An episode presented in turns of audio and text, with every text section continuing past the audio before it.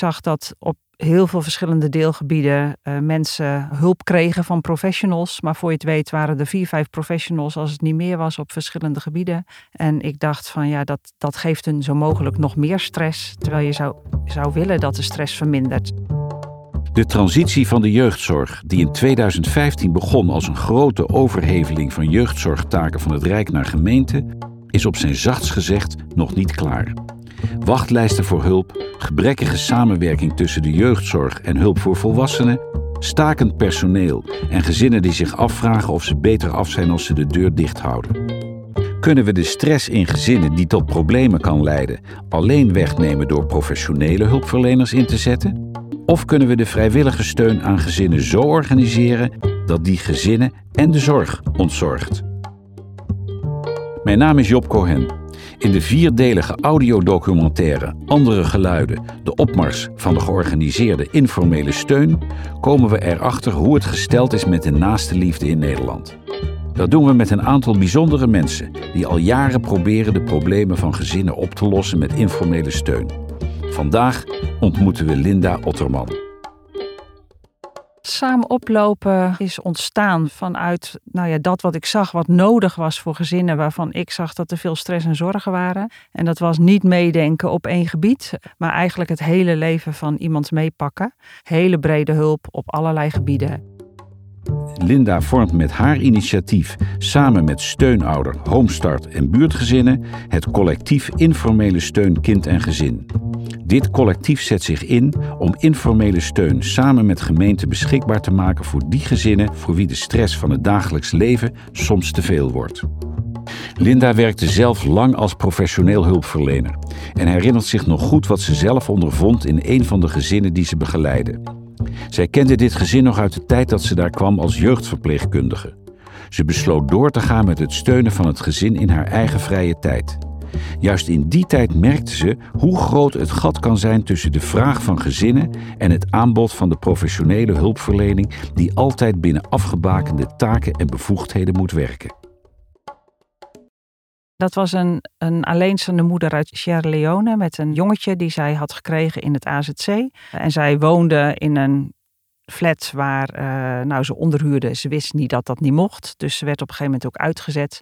Uh, ze woonde daar met drugsdealers en uh, met een nou, hele vieze oude man, om het zo te zeggen. Het was een hele nare situatie. En ze kreeg uiteindelijk na heel veel gedoe een eigen woning. En ik ben eigenlijk al die tijd met haar blijven oplopen. En tegelijkertijd was er een moeder in diezelfde flat waar ik kwam, uh, die nou, door haar familie als kind misbruikt was. En ik wist dat als enige, dus ik stimuleerde haar heel erg uh, hulp te gaan zoeken bij de psychiatrie. Uh, ze trachtte daar aan te komen na lange wachtlijsten, maar had geen oppas voor haar kinderen. Um, ze kwam uit een andere cultuur, dus de, de, de, psychiater en zei dat matchte ook niet erg. En ik zat daar een beetje met mijn handen in het haar, want ik denk, ja, ik heb hier ook geen verstand van hoe ik haar help om dit trauma te verwerken. En toch gaf zij later terug dat jij steeds bij mij over de vloer kwam en gewoon maar een beetje met de kinderen speelde, of wat op internet wat zocht, haar verhaal aanhoorde zonder dat ik wist wat ik moest zeggen, want ik stond echt met een mond vol tanden, dat dat haar nog het meest heeft geholpen. En in beide gevallen dacht ik, wat heb ik nou eigenlijk helemaal gedaan? En uh, ik kreeg van hen terug hoeveel het betekende. En dat maakte dat ik denk, ja, als dat voor iedereen geldt, als je maar één gezin onder je hoede hebt of desnoods twee, dan kan je eigenlijk zoveel betekenen, terwijl je zelf het gevoel hebt dat je helemaal niks bijzonders doet. En die twee gezinnen waren voor mij het sprankje dat ik denk, oh, dit is zo belangrijk en zo mooi kunnen we dit niet uitbreiden? Kan ik dit niet, uh, kan ik niet meer mensen vinden die op deze manier een gezin willen steunen? Georganiseerde informele gezinssteun stoelt op de gedachte dat gezinnen elkaar praktisch en mentaal kunnen en willen ondersteunen als ze elkaar maar weten te vinden. Dat organisaties samen optrekken om informele steun zichtbaarheid te geven, is geen toeval. Overal zien we verschillende vormen van georganiseerde informele steun ontstaan en uitgroeien tot volwassen organisaties. Zij willen gemeenten laten zien dat ze gezinnen iets te bieden hebben. We hebben op dit moment op zoveel levensterreinen uitdagingen als mensheid. Er is iets met klimaat, verschillen tussen arm en rijk nemen toe, onderwijs piept en kraakt op alle manieren, de zorg. We hebben zoveel vraagstukken die we niet alleen maar via officiële lijnen kunnen oplossen. Jitske Kramer is corporate antropoloog, schrijver en bestseller-auteur van onder andere het boek Deep Democracy, de wijsheid van de minderheid. Ze werkt over de hele wereld en helpt organisaties om hun eigen begrip te vergroten over cultuur, internationale samenwerking en de waarde van goed leiderschap. In een samenleving waar burgers, organisaties, politiek en overheid het onderling vertrouwen dreigen te verliezen en publieke organisaties de problemen van mensen niet meer kunnen oplossen. En daarin zie ik op allerlei manieren mensen initiatieven ontplooien om daar waar overheden, gemeenten gaten laten vallen, die dicht te lopen. En wat ik daarin zo mooi vind, zeker ook vanuit die antropologie, dat je ziet dat grote transformaties altijd gepaard gaan met een periode waarin we het niet zo goed weten. Het ondertussen, waarin we dat wat, wat was eigenlijk voldoet niet meer. Dat wat gaat zijn, dat is er nog niet. Dus met elkaar moeten we daar oplossingen voor vinden.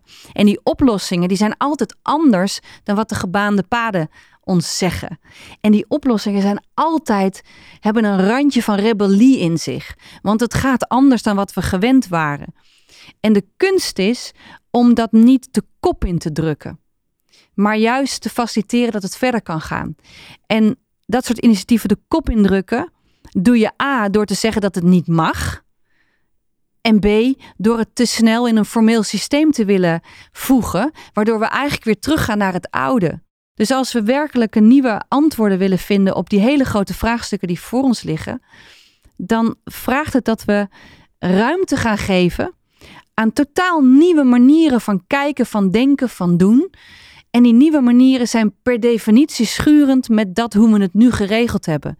En die zijn per definitie schurend met financiële processen en financiële stromingen en manieren waarop we dingen hebben gedaan. En de kunst is om zeker vanuit de zittende macht, noem ik dat altijd maar, degene met definitiemacht, het lef te hebben om initiatieven te steunen die werkelijk anders zijn dan hoe we dingen nu organiseren. Politiek filosoof Francis Fukuyama die zei dus ook: overheden kunnen maatschappelijk initiatief niet stimuleren, maar wel kapot maken. Albert-Jan Kruiter en zijn broer Harry zijn beide actieonderzoekers en oprichters van het Instituut voor Publieke Waarden.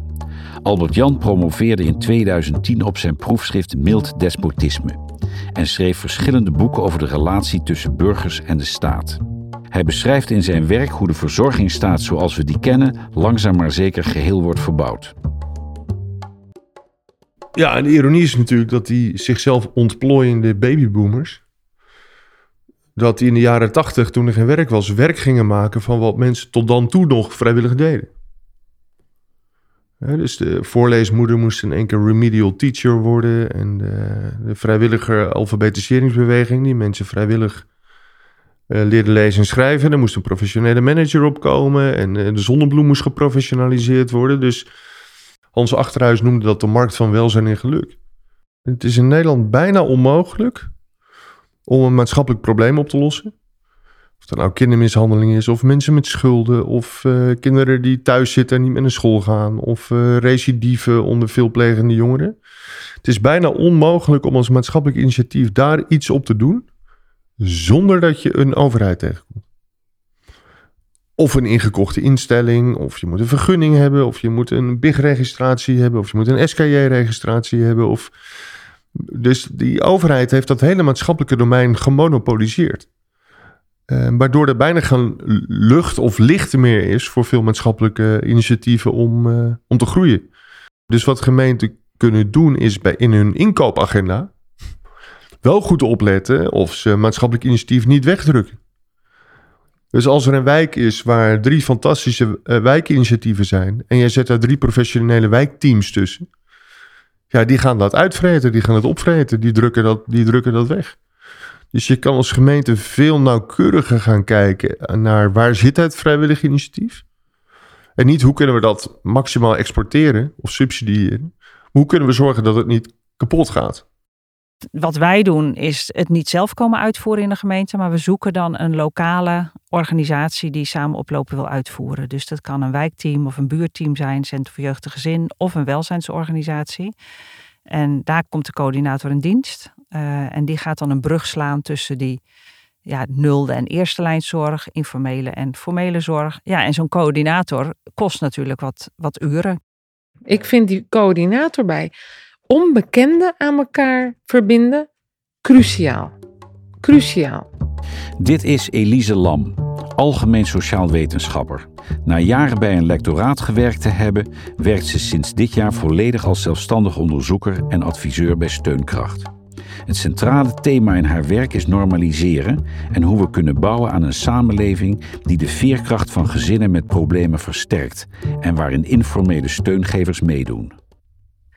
Dat op een gegeven moment gezinnen het samen kunnen, daar geloof ik ook in, maar niet ieder gezin. Dus het vraagt van een coördinator ook weer maatwerk kunnen leveren. Heel goed zien, wat kunnen deze, uh, dit hulpvragende gezin, deze steunvragen, uh, steungevende gezin, of die steunouder, want het is niet altijd een gezin natuurlijk, of die vrijwilliger, wat kunnen die samen aan? Vraagt heel veel mensenkennis, vraagt tussen de regels door natuurlijk goed kunnen lezen, maar tegelijkertijd ook gewoon goede vragen kunnen stellen. En ook gewoon eens eventjes langs gaan en iets, iets organiseren. Door het matchingsproces te organiseren, lukt het om duizenden gezinnen aan elkaar te koppelen die elkaar in het dagelijks leven anders niet zouden zijn tegengekomen. We ontmoeten Anouk, die hulp kreeg van steungever Trix om het verdriet over het verlies van haar vader met haar kinderen te verwerken eigenlijk vanaf begin af aan uh, had ik daar een heel goed gevoel bij. We moesten elkaar wel even, even leren kennen. Even wennen hoor. Toch? Even wennen, want wij zijn twee... Toch totaal verschillend. Ja, twee verschillende mensen, maar ook twee verschillende levens leiden wij. Als we elkaar op straat tegen waren gekomen, dan, dan hadden we elkaar misschien niet eens aangekeken. Nee. Nou dat kan ik eigenlijk van de andere kant ook zien. Toen ik jou zag, toen ik bij de deur stond, grote sterke vrouw inderdaad dat militair. Ja. Ik denk, jeetje, wat, hè? daar heb ik helemaal niks mee. Nee, wat moet ik hier? Wat voor iemand zou dit zijn? En, en je praat ook wat anders en zo. Ja, maar toen was je ook nog een beetje het, het, nou niet het ongelijkwaardige, maar het, het startniveau was anders. Ja, Precies. Maar op een gegeven moment hebben we elkaar echt gevonden. Ja, nee, dat ging ook heel makkelijk toen. Ja. ja. Dus dat was juist zo leuk. Ja, was mooi. En dus ik zeg, ik geloof er ook alleen in maar één dat je altijd over en weer van elkaar leert. Zelfs bij hulpverleners zou het zo moeten zijn. Het heeft wel een hele hoop verrijking gegeven. Niet alleen voor mij, maar ook voor mijn kinderen inderdaad. Ja, ja dat zag ik ook. Ja. ja. En doordat ik rustiger werd, werden mijn kinderen ook rustiger. En dat, dat vond ik heel mooi toen jij dat op een gegeven moment tegen mij zei. Van hé, hey, het voelt anders hier. Ja. Ik geloof, als je het echt bij informele steun wilt houden, dat je moet oppassen om het helemaal tot in de treuren in een organisatie dicht te timmeren. Want dan ben je eigenlijk toch een soort semi-formeel bijna bezig. Met kwaliteitskaders, met zoveel uh, mogelijk cursussen gedaan te hebben. En dan kan je het, zeg maar we zijn in een samenleving met elkaar terechtgekomen waarvan we toch denken, het is alleen nu niet meer betaalbaar, maar we zijn gaan denken, nou, ehm, als je ervoor geleerd hebt, dan zal die steun, die hulp, dat is gewoon eigenlijk wel het beste. He, want dan, dan kunnen we het ook zeggen van nou, dan kan het binnen vijf keer. En dan uh, heb je er een protocol voor en een, een methodiek hangt eronder kunnen we elkaar ook op bevragen en elkaar ook op toetsen en elkaar ook op af en toe zeggen dat klopt, daar klopt niks van.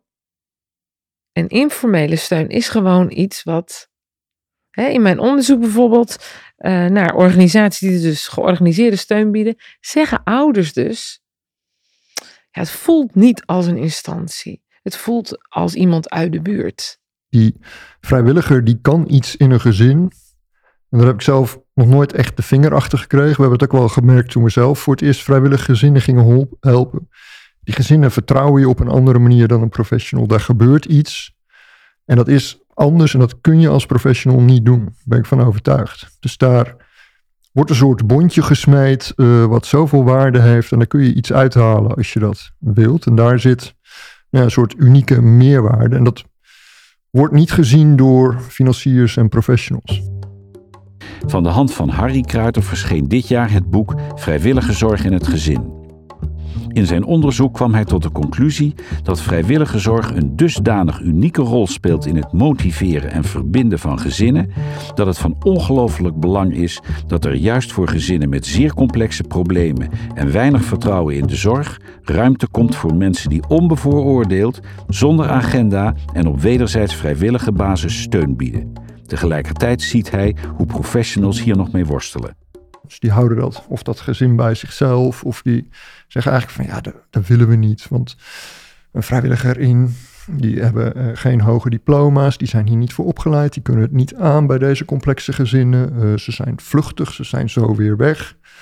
Um, en daartegenover zien wij eigenlijk, nou, de meeste vrijwilligers zijn gewoon hoger opgeleid dan de professionals die in die gezinnen werken. Ze hebben meer levenservaring. Ze zijn er langduriger bij betrokken. De meeste 1 tot 2,5 jaar. Nou, er is geen enkele professional die zo lang in een multiprobleemgezin zit. Dus er, is een soort hele rare werkelijkheidswereld van professionals die, die vrijwilligers niet vertrouwen, die het gewoon niet aandurven om die erin te zetten. Tegenover de waarde die zo'n vrijwilliger daar eigenlijk kan hebben. Wat zeker van toegevoegde waarde is, is als er iemand bij jou over de vloer komt, die niet op voorhand iets van jou wil, die niet met een heel formulier binnenkomt lopen wat je allemaal moet uh, invullen, die altijd een impliciete opdracht mee heeft, die ook nog integraal aan het kijken is naar allemaal dingen waar je eigenlijk helemaal niet van weet of wil dat ze naar kijken, die altijd in blokjes van 35 minuten praat, maar iemand die er min of meer onvoorwaardelijk is. En dan bedoel ik niet uh, 24 uur per dag op die bank zitten. Maar die, die zich dus relatief protocolloos, maar waardevol in zo'n gezin kan, uh, kan inzetten. Ja, dat is echt van toegevoegde waarde. Ja, in het onderzoek hebben we dat één gezin geen plan genoemd. Het klinkt een beetje vreemd, maar dat is precies ongeveer wat het is. En dat zet het ook helemaal af tegen alles wat we geprofessionaliseerd hebben. Dus die, die, die mogelijkheid om geen plan te hebben als je een gezin binnenstapt, is doodeng. En ik betrap me daar zelf ook nog heel vaak op, dat je toch met een half plan naar binnen gaat of zo. Maar als je dat echt loslaat, uh, dan ontstaat er iets. Kunnen beide aanvliegroutes, de een van de formele zorg, de andere van de informele steun, naast elkaar bestaan? Durven we ook verder te kijken naar samenwerking waarin de informele steun en formele hulpverlening elkaar versterken? En hoe ver moeten en willen we dat die samenwerking gaat? Linda kiest bewust voor het ontwikkelen van strategieën om die samenwerking vorm te geven. Het is wel echt een uitdaging hoor, voor eerste lijns, maar zeker voor tweede lijns zorg om te zeggen van een vrijwilliger kan hier iets betekenen.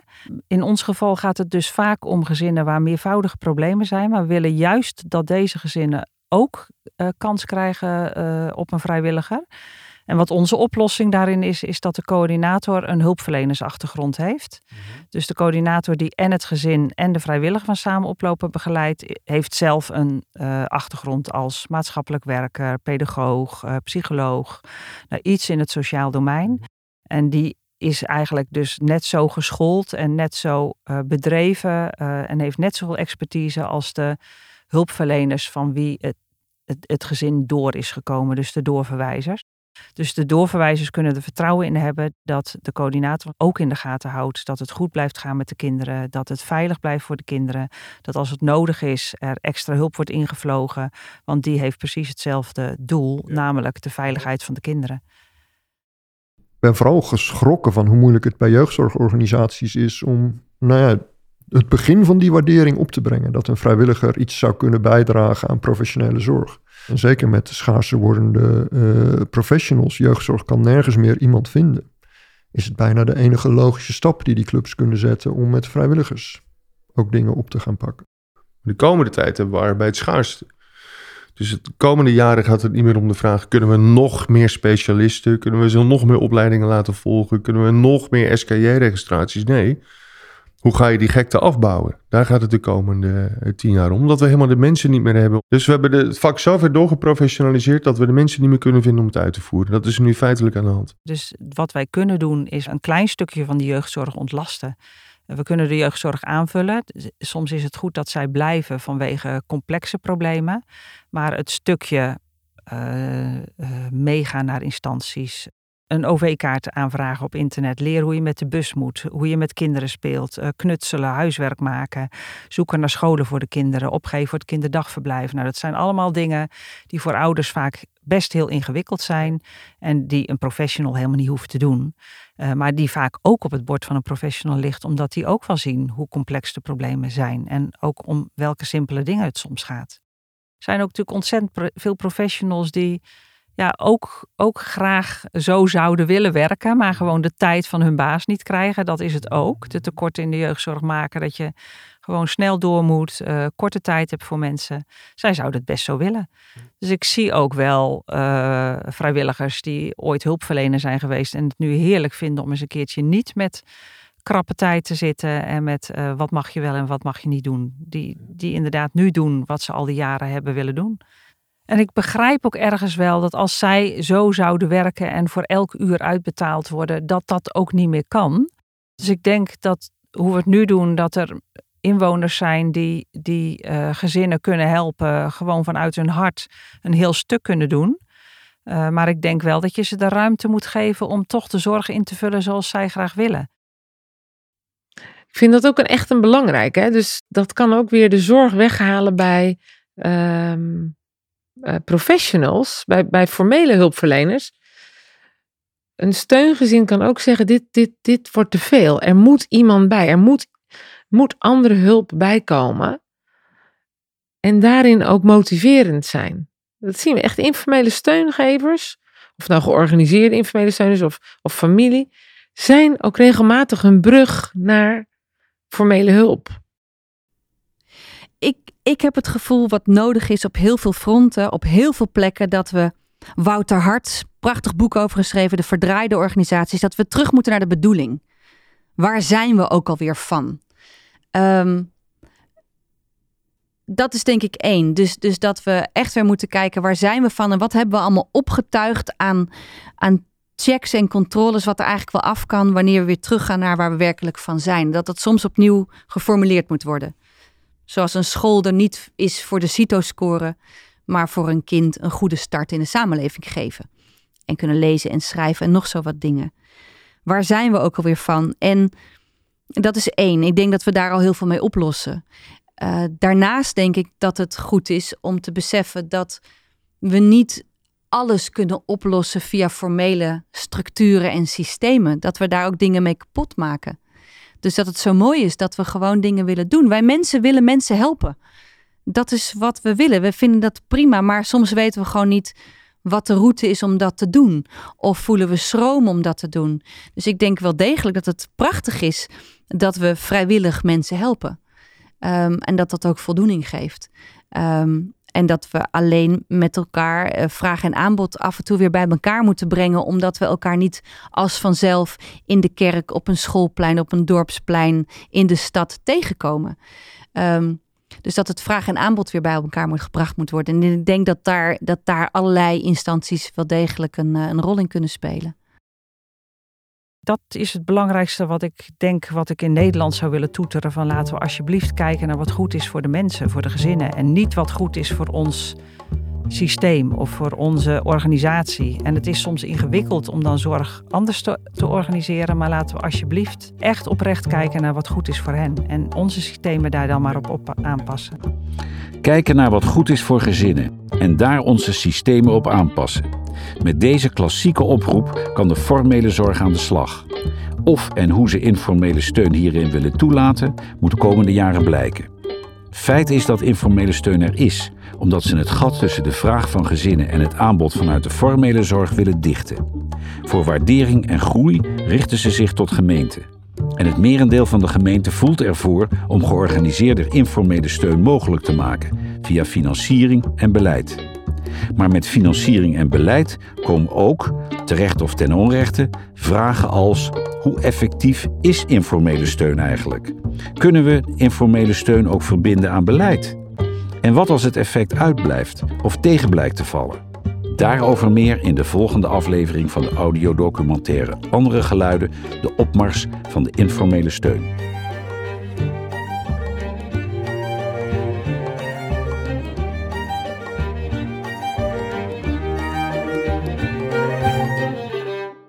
Wil je meer weten over wat informele steun kan betekenen voor